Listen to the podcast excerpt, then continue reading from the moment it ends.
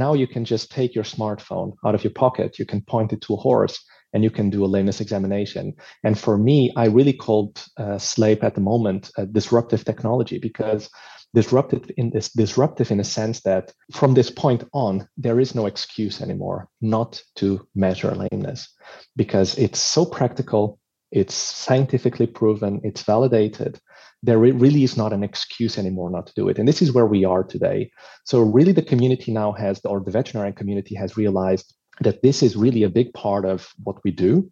Um, we need to do a better work if we want to move forward. But also, it started to uh, enter different areas of the discussion, like animal welfare. Uh, we need to monitor these horses. How can we monitor these horses? With a simple technology. Well, things like Sleip, well, an owner can now make a recording and send it to the veterinarian. So the horse can be monitored from, from a distance. It's telemedicine.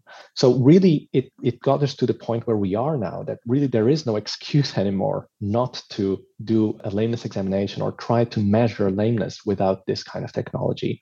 And this is this is where we are now. And this is also why I think it's it's a really nice place to be in time because this also opens so many doors but also opens so many questions. Because now we're measuring thousands of horses hundreds of horses a day. We're getting all this data and there's so much we can do with it. It's it's it's really unbelievable